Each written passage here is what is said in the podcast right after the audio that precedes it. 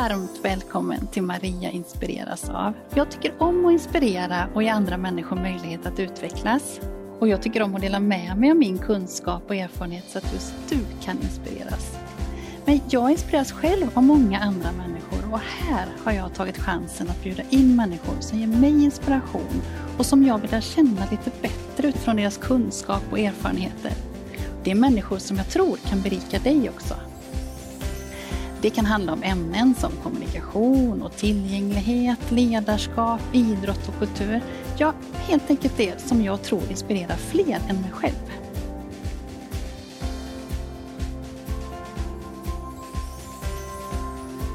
Tycker du om det här avsnittet och andra saker som jag gör så får du jättegärna kommentera och dela och sprida så fler får chansen att ta del av det.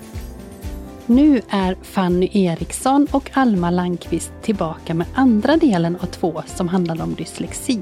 I det här avsnittet så samtalar vi om olika strategier för att hantera utmaningarna med dyslexi. Alma och Fanny berättar om hjälpmedel och ger massor av tips. Det finns så extremt mycket känslor kopplade till våra diagnoser och vi har gråtit så många gånger över hur vi har blivit behandlade, säger tjejerna. Och vi pratar om självkänsla och hur de hanterar detta och vad som hände i skolan. Vi samtalar också om Dyssepodden och varför de tycker det är så viktigt att sprida kunskap om dyslexi. Så fint samtal som en uppföljning av förra veckans avsnitt med samma tema. Känn dig varmt välkommen att inspireras. Hej Alma och Fanny och välkomna tillbaka. Tack så mycket. Ja. Det här blir ju som del två kan man säga mm. av eh, tidigare avsnitt som vi har spelat in. Mm. Nu är vi tillbaka. Nu är vi tillbaka. Yes! det var så roligt att få träffa er senast och då mm. berättade ni också om eh, dyslexi. Mm. Och för de som inte har sett det så kan ni säga lite kort bara om vad, vem, vilka ni är helt enkelt. Ska mm. du börja Alma? Ja, jag mm. heter Alma mm. och eh, jag träffade Fanny då eh, när vi gick i gymnasiet ihop. Och vi har drivit UF-företag och nu föreläser vi och håller lite poddar om just dyslexi.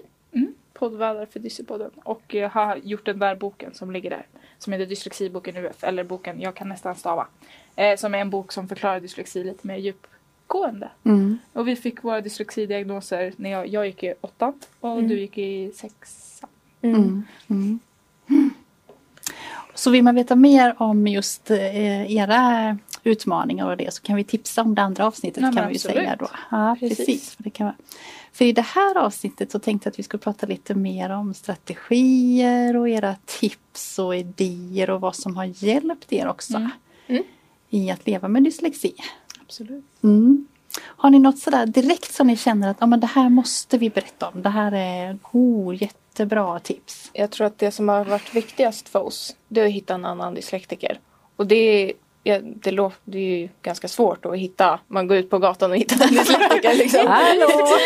Precis. Eh, men då kan man ju, typ som FDB som vi jobbar för då. Mm. Eh, de håller ju sommarläger och massa sådana saker för dyslektiker. Mm. Eh, och det har nog varit det viktigaste i min diagnos och min självkänsla. Eh, att ha någon annan att prata med. Mm. Verkligen. Någon som kan säga till läraren, ursäkta Alma behöver faktiskt lite läshjälp här borta men hon orkar inte säga till längre. Nej. Ja men också att ha mm. någon som är likadan som en. Alltså när man är ung och man har ju dyslexi hela, hela livet. Liksom. Mm. Sen får man ju ofta reda på det när man är ja men oftast runt högstadieåldrarna. Är det det som är det, vanligast? Det är det som är vanligast. Man kan uh. inte utreda innan två. Eller innan man går i tvåan och trean. För att okay. då, då kan det fortfarande anses som språkstörning. Just det. Mm. Eh, så att, eh, sen så kan man, kan man utreda när det börjar bli lite svårare i skolan. Mm. Eh, men sen kan man ju också få det när man, vi pratar med några som har fått det liksom när de har varit 45. Så att man kan ju få det liksom när som helst. Men, mm. men just det att eh, hitta Egentligen någon... få det på pappret kan ja, man men säga precis. Då. Men, men det var egentligen inte det jag skulle in på. Utan det var att eh, när man är, går i skolan så mm. är man ju ofta, hela ens klass är ju nästan hela ens värld. Mm. Alltså lite så. Det är ju mm. de människorna man träffar hela hela tiden. Mm. Och liksom man, ja men eh, nu kanske det är skillnad från när vi var små tänkte jag säga som att det var jättelänge sedan. men, men sådär med liksom, ja det är lättare att vara uppkopplad nu för tiden såklart. Men, men på sociala medier och liknande. Mm. Men, men ändå att här, min klass är min värld och har jag bara dyslexi här då kommer jag känna mig otroligt ensam i det. Mm. Eh, det tror jag är det som man måste jobba mest med. Mm. Att liksom hitta någon som, som också har dyslexi som förstår, som fattar vad det innebär. För att det är klart att ja, men, andra förstår och man, ens föräldrar förstår men de har ju fortfarande inte gjort riktigt samma sak som en själv. Nej, nej. Eh, så att det absolut. Och sen tänker jag också att, eh, som ni har pratat om innan, att det, ut, eh, det är ju väldigt olika hur det Mm, ser ut också. Verkligen. Även om man säger dyslexi så har man olika utmaningar med olika saker. Mm. Mm. Ja, alltså om jag skulle kolla på bara våra diagnoser så är det ju nästan två helt olika. Ja. Absolut. Men generellt så har man ju haft samma problem i uppväxten med dyslexidiagnos att man ingen förstår vad det är. Och ingen har förståelse för att det finns så extremt mycket känslor kopplade till min diagnos. Mm. Eh, och, och jag tror att det är det, liksom, att ha någon att kämpa med mot lärare eller skola eller vad som helst. Liksom, idrottsförening, det kan vara vad som helst, det måste inte vara i skolan eller arbetslivet. Liksom. Mm. Att ja, men dels ha någon som har förståelse för vad man går igenom. Alltså hur det faktiskt känns när, när man blir nedtryckt på grund av sin diagnos. Men också någon som kan liksom hjälpa en. Alltså så här, har jag märkt att nu anpassar inte våra lärare undervisningen så att Alma förstår. Så kan jag säga ifrån. För det kan vara ganska skönt att någon annan det är ganska jobbigt att alltid behöva vara den som är så här. Eh, ursäkta, jag förstår inte. Eh, Mm. Ursäkta, kan du anpassa det här Ah. till mig? Eh, ursäkta, jag skulle behöva det här så här. Mm. Alltså så där, det finns någon annan som kan förstå att det här steget behöver tas och Mm. massa sådana där grejer. Mm. Men jag tror att svårigheterna just nu för oss, vi har ju gått ut skolan och Mm. vi kommer väl inte plugga på ett tag just nu i alla fall. Eh, Så vi jobbar och jag upplever att vi pratar inte lika mycket om det i jobbvärlden. Nej. Eh, och som jag fick i början eh, på mitt, eh, ett av jobben jag har haft nu. Mm. Eh, det var ju så här, ja men föds man med dyslexi eller får man det sen i skolan? Jag var så här, ja, jag förstår inte riktigt frågan. Jag föddes med det men sen fick jag det i skolan. Jag fick diagnosen i skolan. Eh, och det är ju liksom på ett jobb där jag måste läsa och jag måste läsa fort. Och det är liksom, Mm. det är svårigheter där också. Mm. Eh, man, det är som nu när jag körde bil. Jag måste ju ha med Fanny så hon kan sitta och läsa alla skyltar åt mig. Mm. Just det. För du har ju inte en chans på skyltarna. Mm. Nej. Nej. Jag sa, skulle jag ligga i höger eller vänster fil nu? Jag hann inte Mm. se skylten. Nej. Den är redan bakom mig. Vi tog ju några extra varv i några rondeller ibland för det var så här, du ska ta första avfarten så bara in i fel fil bara då, då kör vi ett varv så tar vi den sen då liksom sådär. Men det är skyltar och det men det är, vi hjälper ju ofta varandra liksom. Det är det som är viktigt. Men när du pratar om det då i skolan till exempel, vad, vad hade du för hjälpmedel då? Vad, vad tänker du var bra som stöd? Eh, oj. Alltså när jag gick i sexan och fick min diagnos då var Mm. det ju verkligen så här. Här är dina hjälpmedel. Sätter dem framför dig och så får du nästan lite lista ut själv hur det Ja. fungerar och Ja. när du ska använda dem. Läraren har typ inte koll på hur- hjälpmedlen faktiskt ska, alltså du måste ju lära dig att använda ett hjälpmedel för att kunna, kunna verkligen. ha det som hjälpmedel. Liksom. Ja. Men vad kunde det vara som låg framför dig då? Eh, det var ju speciellt Legimus och inläsning i tjänst. Eller inläsning i tjänst som är lite mer för skolan då. Mm. Eh, och eh, sen vad har vi mer? Förklara vad det här också. Mm. Ja, det är inlästa böcker. Eh, Ja. Skolböcker och heter det skönlitterärt? Ja, allt. Film. Mm. Precis, allt. Men inläsning, Mm. det är liksom så. Precis. Eh, och sen så fanns det olika talsynteser och rättstavningsprogram och Mm. det finns allt möjligt. Mm. Men om, jag upplevde att om man inte hade lärt sig programmen och insett att, för att jag känner ju att jag kan ju läsa. Just det. Det, jag har inga problem. Det är ju dyslexi. Det är ju inte så farligt liksom. Eh, när jag inte insåg själv hur, hur ursäkta men dålig, riktigt uruselt det går för mig när jag läser. Eh, och eh, sen när jag kom upp i, trean nu på gymnasiet när vi började alla de här undersökningarna för boken och hitta Fanny och massa faktorer som Ja. blandades in. Då insåg jag att jag måste börja testa det här själv. Mm. Och då använde jag, är det talsyntes när man pratar in i? Mm. Ja, den började jag använda ganska mycket. Mm. Och jag kände, men nu är jag inte trött efter varje lektion. Nej. Det är jätteskönt. Mm. Du hade fortfarande kvar energi. Precis. Ja. Så jag tror att det är ju ett stort tips att var kanske inte så envis utan testa det i en månad, två månader, allt. Mm. Och sen får du säga vad du tycker Just och tänker det. om det. Uh. För det finns ju de här lätta... Att ge det en chans är väl ett jättebra tips. Mm, mm. Precis. För att det, det tar lång tid och man kan vara väldigt envis på att nej men jag klarar det själv. Mm. Känner att jag borde ta efter. Eh, men det var ju ett hjälpmedel som jag använde under hela min skolgång och mm. det skulle jag nog rekommendera för alla. Det är den här eh, Mercury Reader. Mm, det. Det, är, det är som en liten raket. Det, du eh, laddar ner det på datorn? Okej. Okay. Och det gör så att all reklam och blinkande grejer och olika Alltså det gör så att den blir dyslexianpassad. Vi ah. förklarar lite mer detaljerat så. Typ mm. när du ska söka källor till liksom, skolarbeten och sånt mm. så hamnar du kanske på Aftonbladet. Just och då det. är det mm. poppande ICA-reklamen ah, där. Ah. Reklamen om att Google håller på att gå under där. Alltså så här, du vet så här, ah. och allt det här drar ju väldigt mycket så här. Och sen så rubriken är stor och röd och nästa texten är kursiv. Mm. Och den är mm. väldigt mycket svartare än vad den faktiskt gråa texten som allting står i egentligen är. Och då är det så här, klicka på en knapp och så får du allting på ett A4-dokument typ. Då sorterar det bort. Mm, det bort tar bort med färger. Ah. Bort med färger, bort med kursiv text. Alltså allt blir liksom likadant. Och så mm. blir det lite större mm. texten så att det inte är det här pyttesmå. Just det bokstäverna. Mm. Så det finns ju massa sådana som bara, alltså det är ju som min mamma sagt, det där hjälper ju mig också. Ja, ja men det, det är också så här, mm. alltså typ jag som har störst problem med koncentrationssvårigheter. Mm. Det är ju samma sak för liksom folk med, ja men jag har mycket kompisar med ADD och ADHD. Mm. Alltså det här är ju ett under för dem också. Mm. För att liksom koncentrationen är det svåra och står och blinkar en liksom stor reklam. Det är klart att man fastnar i att oj det är rea på tomater, alltså vad som helst. Ja. Liksom, sådär. Ja. Eh, att det tar hjärnkraft. Liksom. Mm. Mm. Hade du några andra hjälpmedel som du tänker på i skolan? Alltså jag fick ju min diagnos så sent och mm. har alltid fått höra att du är så jobbig på att jobba runt din diagnos och liksom så här hela tiden. Så att jag använder ju liksom, ja men jag hade dem men jag använder dem ju sällan. Sen är det ju svårt att säga också för att liksom så här när vi har gått i skolan då har vi alltid haft en dator i knät och en dator i knät har alltid haft rättstavningsprogram. Ja. Alltså det, det är ju ett otroligt hjälpmedel. Men man pratar ju inte om det för att alla har ju det. och liksom hur ofta använder man inte det så fort man skriver sms? Alltså, du använder ju, alla använder det ju hela hela tiden. Ja. Så rättstavningsprogram, absolut. Men mm. sen har jag haft lite hjälp med sådana här som kollar igenom dina texter. Eh, med mm. meningsbyggnader och sånt där. Mm. Och det tror jag har blivit väldigt mycket bättre på på grund av det. Det är ju inte din största styrka. Eh, meningsbyggnader? Ja. Nej. för exempel så skrev vi en text på engelska tillsammans för ja. vi gick i tvåan kanske.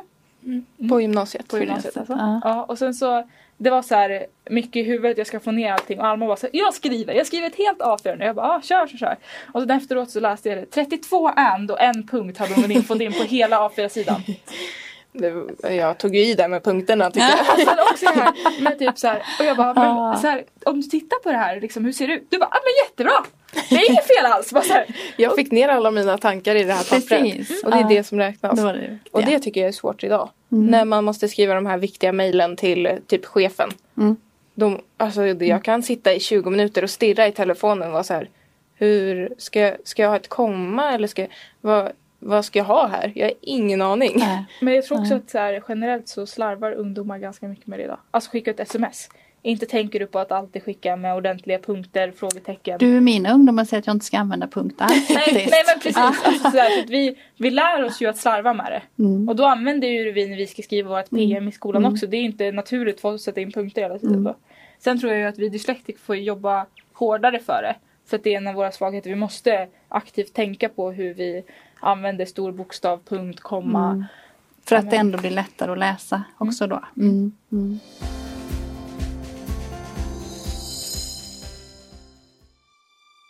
Vill du att din arbetsplats ska bli bättre på kommunikation med tecken? Då är mitt grundpaket något för dig. Det har ju gett oss personal jättemycket naturligtvis. Det har gett eleverna den största vinsten av allt. Att eleverna fått en tecknande miljö. I grundpaketet får du inspirationsföreläsning om AKK, webbutbildning med tecken och uppföljande samtal. Då är det liksom, det ska vara jacka på, vi ska upp och äta. Ja, men vi använder tecken hela tiden. Den stora vinningen tror jag för mina medarbetare har varit att de har fått lov att göra den tillsammans den har inte bara varit riktad till lärare, eller elevassistenter eller någon annan utav alla de yrkesprofessionerna som vi har på vår skola, utan alla har fått göra den. Grundpaketet är ett koncept för alla. Läs mer på mariakrafthelgesson.se. Varmt välkommen! Men nu arbetar ni båda två. Ja. Mm, med lite olika jobb fick jag Ja. veta. Ja. vad, vad tänker ni nu för hjälpmedel då? Eller vad har, ni, har ni något sådär som ni känner att ni har nytta av nu? Alltså vi, du använder ju fortfarande Legimus. Ja, det är min favorit. Att Mm. ligga och lyssna. För att alltså det kan man ju använda. Alltså det finns ju sådana kända ljudböckertjänster. Men Mm. alltså vårat Legimus och inläsningstjänst funkar ju precis lika bra. Ja. Eh, Och Legimus är ju, får man ju av skolan men du har det hela livet. Jaha, Eh, det är väl av biblioteket tror jag från Mm. början. Mm. Så allt som finns på biblioteket finns i Legimus. Mm. Och om det är någon ny bok eller något liknande så kan man gå till biblioteket och säga den här finns inte inläst. Kan ni läsa in den så löser de det. Okej, ja, det är bra att veta. Jag har Mm. mejlat till dem någon gång och varit så här. Den här skulle jag vilja ha. De bara okej. Men sen tar det lite tid såklart. Ja. Men, men det brukar faktiskt fungera. Ja. Eh, inläsningstjänst hade jag bara i skolan i alla fall. Jag tror inte jag har kvar mitt konto längre. Nej, jag tror att det var väl samma för mig. Det var bra då. Men Mm. det, vi behöver ju kanske också, inte skolböcker. inte, ta mig inte på punkt och pricka men jag tror Nej. att alla kan få Legimus. Nej, inläsningstjänst. Ja, inläsningstjänst var det. Okej. Okej. Eh, Mm. vi, vi är lite snurriga här. Mm. Ja men det får man kolla tänker jag Ja. också, de som är intresserade av det då. Mm. Mm. Men har vi några mer Mm. hjälpmedel eller några fler tips tänker jag? Alltså tyvärr så mitt bästa tips är ju tyvärr att lästräna. Alltså Det det, det måste alltså. göras. Eh, och det är aptråkigt och det är jättejobbigt och det är svårt och allt sånt där. Men, men idag är jag ju väldigt tacksam för att jag har gjort det. För att nu kan jag ju faktiskt. Alltså nu när jag, när jag är väldigt intresserad av någonting så kan jag ju läsa en vanlig, liksom, Mm. vanlig bok. Sen är det Mm. klart att så här, det kan vara svårigheter. Jag har väldigt mycket lättare att läsa om jag får ändra bakgrundsfärgen. Ja. Gärna inte till en liksom, stark röd utan om jag får typ ta svart bakgrund, vit text. Jättemycket lättare. Är det det? Ja, Jag för jag helt måste, för Mm. att jag måste aktivt tänka på att, alltså jag tänker på att det är ändrat. Just det. Och då blir det inte lika normalt och hoppigt.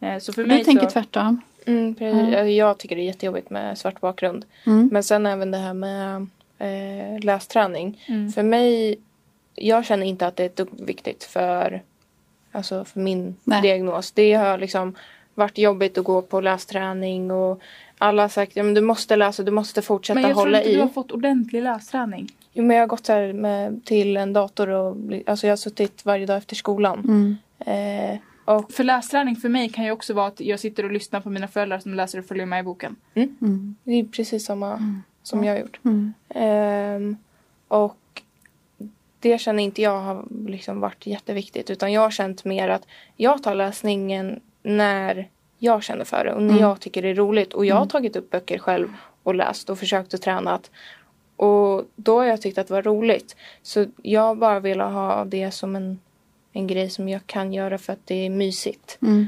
Eh, och jag tror att lästräning, ja jag kan läsa mejl.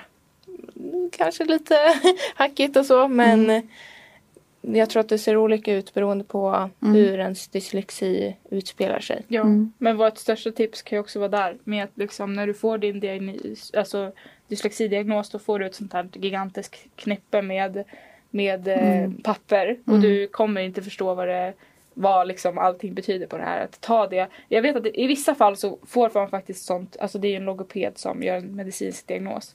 I vissa fall så får man en sån direkt utläggning kallas det. Men vi fick ju inte det. Så typ gå till en speciallärare eller ja, men, någon slags logoped av någon Mm. slag och säg så här hej. Jag har fått en dyslexidiagnos, kan du förklara det här för mig? Du kommer få i punkt och pricka och så kommer vara så här jaha men det är därför det är så här och ja det är därför jag funkar så här Mm. och allt sånt där. Så det är ert tips också? Ja men det är ja, hitta Mm. en kompis och Mm. ta reda på vad, Mm. vad det faktiskt har problem med. För det är många jag har upplevelser på det mötet. Men jag tror också om man tänker på skolan så skulle jag jag ångrar att jag inte blandade in mina föräldrar mer. För jag tyckte att det var jättepinsamt att mina föräldrar skulle komma till skolan och Ah. prata med mina lärare om det de gjorde fel. Ja. lärare gör ju liksom inte fel.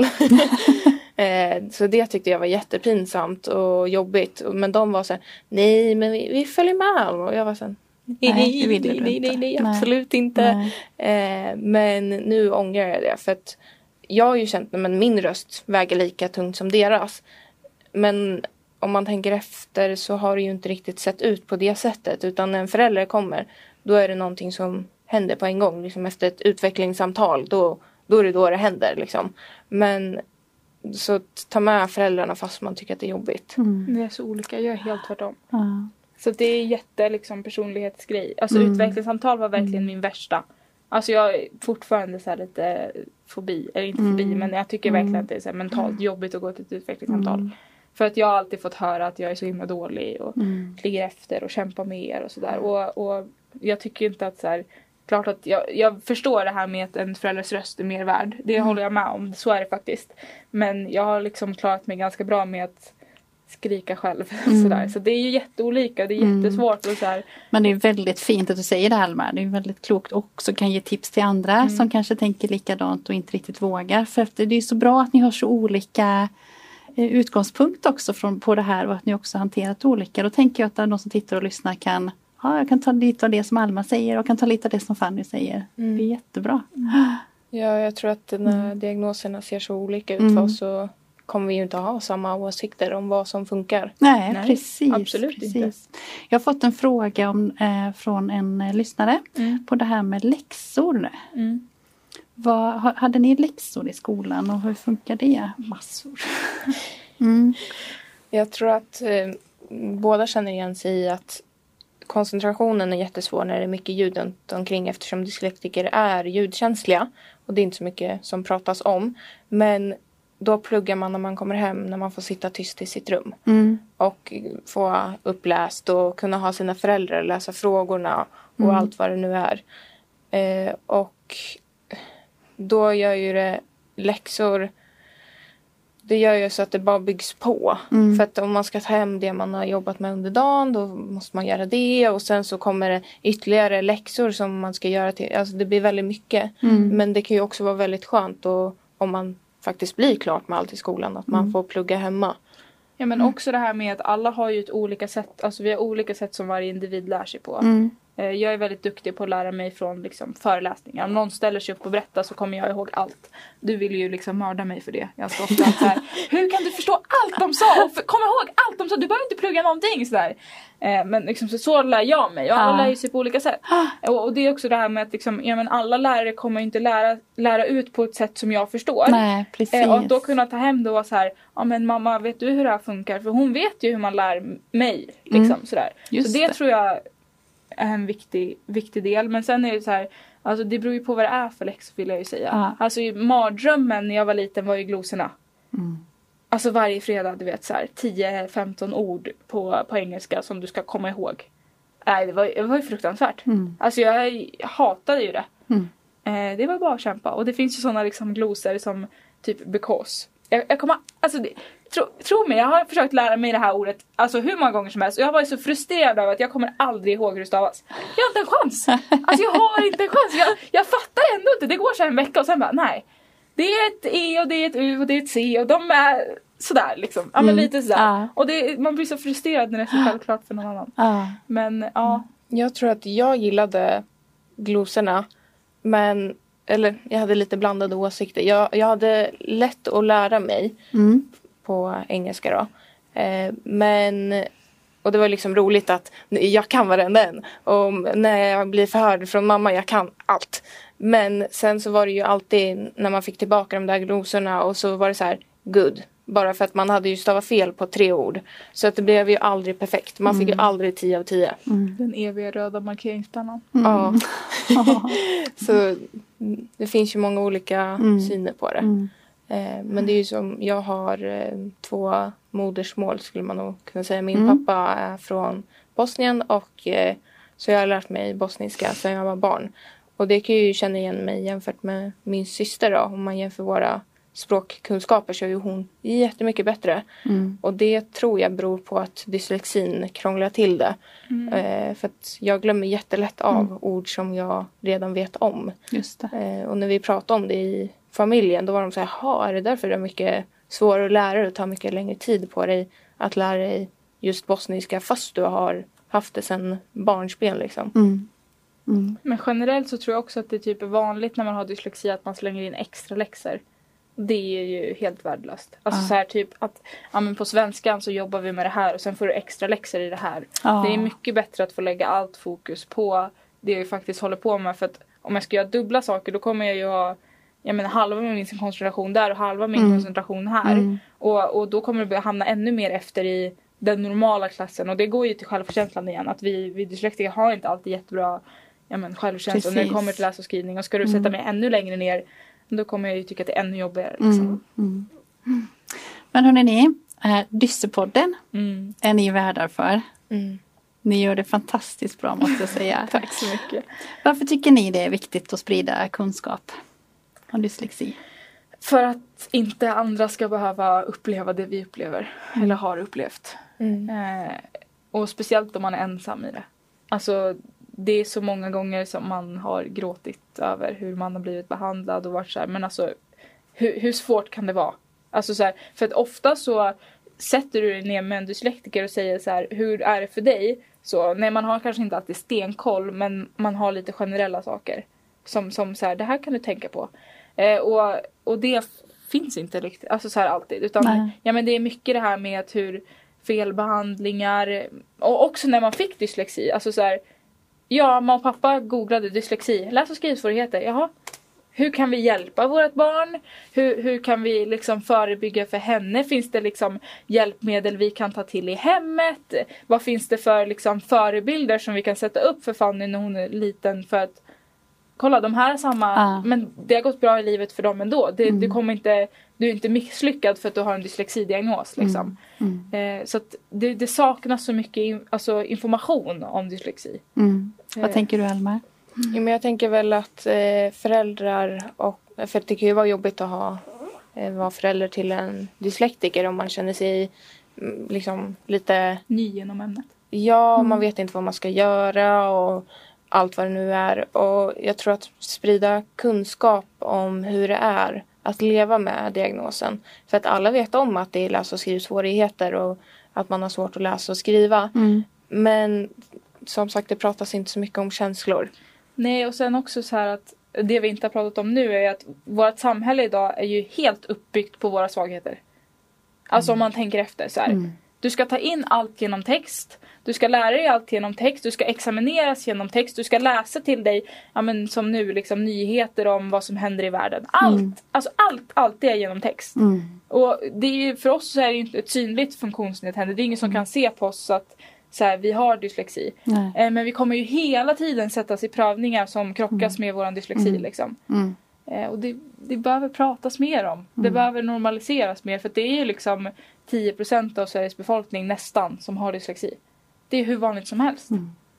Det ska inte, man ska inte skämmas jag, för Jag blir helt uh, stum. Ni är så fantastiskt duktiga. Ja, men alltså, det, ni är så härliga och ni har så stor kunskap. Och, ja, jag blir verkligen imponerad och det är jättekul att få ta del av det här också. Mm. För jag tänker att alla vi har ju att lära av detta också. Ja men alltså mm. alla känner ju en dyslektiker. Mm, alltså, så här, det, det, det, är väldigt sällan man träffar någon som inte har någon koppling alls. Som inte har någon kompis, släkting. Alltså så här, även om man själv inte har dyslexi. Mm. Eh. Men jag tror att ett tips som jag själv inte har pratat så mycket om för mm. det har ju varit så här, ja, det det spelar inte så stor roll. Men det är ju att jag har ätit mig genom hela skolan. För har vi pratat om det för ett tag sedan? Ja, eh, jag, jag har lite lagt det bakom mig. Ah. För att när jag sitter och läser jag blir ju supertrött så jag trycker i mig massa ah. energi. Alltså mm. det, jag, inte socker menar jag inte nu. Utan, Nej men energi. Ja precis. Ah. Jag sitter och äter mig genom all tid när jag pluggar. Mm. Och det är, liksom, det är lite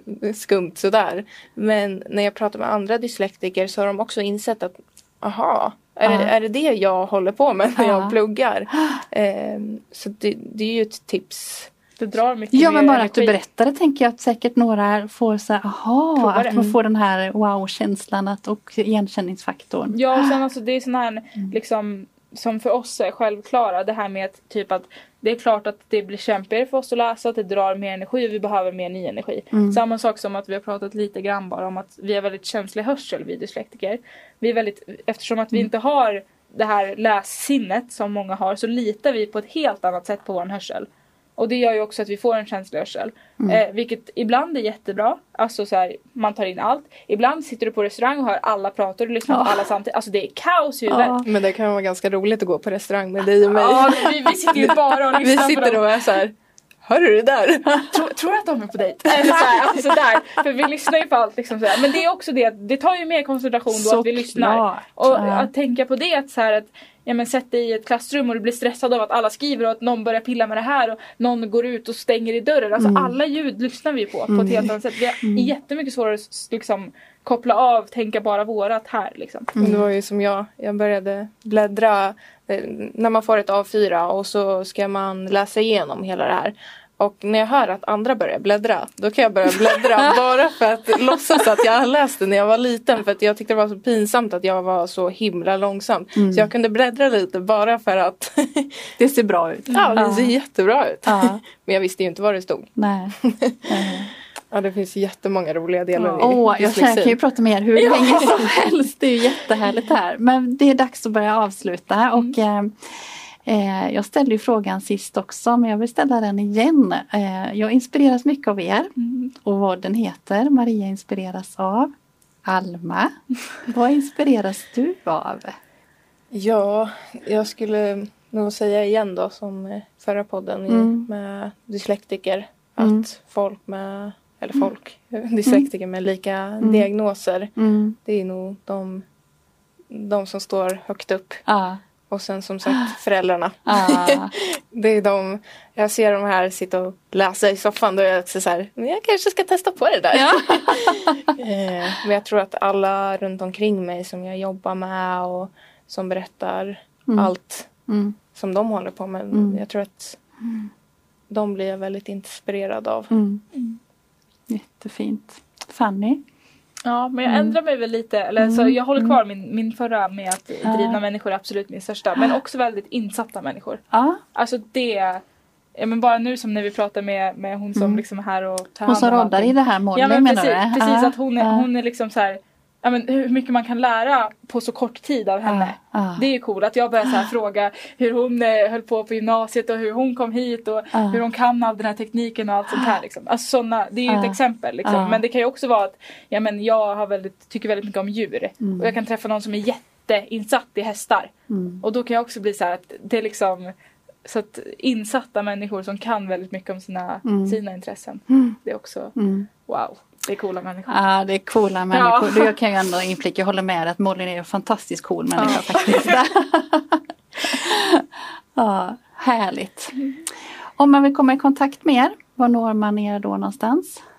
Eh, det är ju via FDB. Eh, mm, liksom. Det är lättast. FDB, ja, hemsidan. Mm. Föräldraföreningen för dyslektiska barn. Ja, mm. antingen hemsidan eller Dyssepod Instagrammen. Dyssepodden också, ja just det. Mm. Instagram där. Mm. Så det är väl där ungefär. Ja. ja. Men stort tack för att ni kom hit. Så roligt. Jag är så glad för att ni tog er tid och att vi fick ihop det här. Mm. Mm. Tack själv. Tack, tack för att vi fick komma med. Mm. Tack så jättemycket. Vilka härliga tjejer. Jag blir så imponerad av deras sätt att beskriva sina utmaningar och att de har så stor självinsikt. Jag tänker att deras kunskap verkligen är värd att spridas och att den kan hjälpa många andra i liknande situationer. Nästa vecka kommer ett nytt avsnitt med ett annat tema. Vill du veta direkt när det avsnittet publiceras så kan du prenumerera på mina kanaler. Jag blir väldigt glad om du hjälper till att sprida och dela det här avsnittet så att fler kan få ta del av Fanny och Almas kloka tankar. Ha en fin vecka så ses vi snart igen.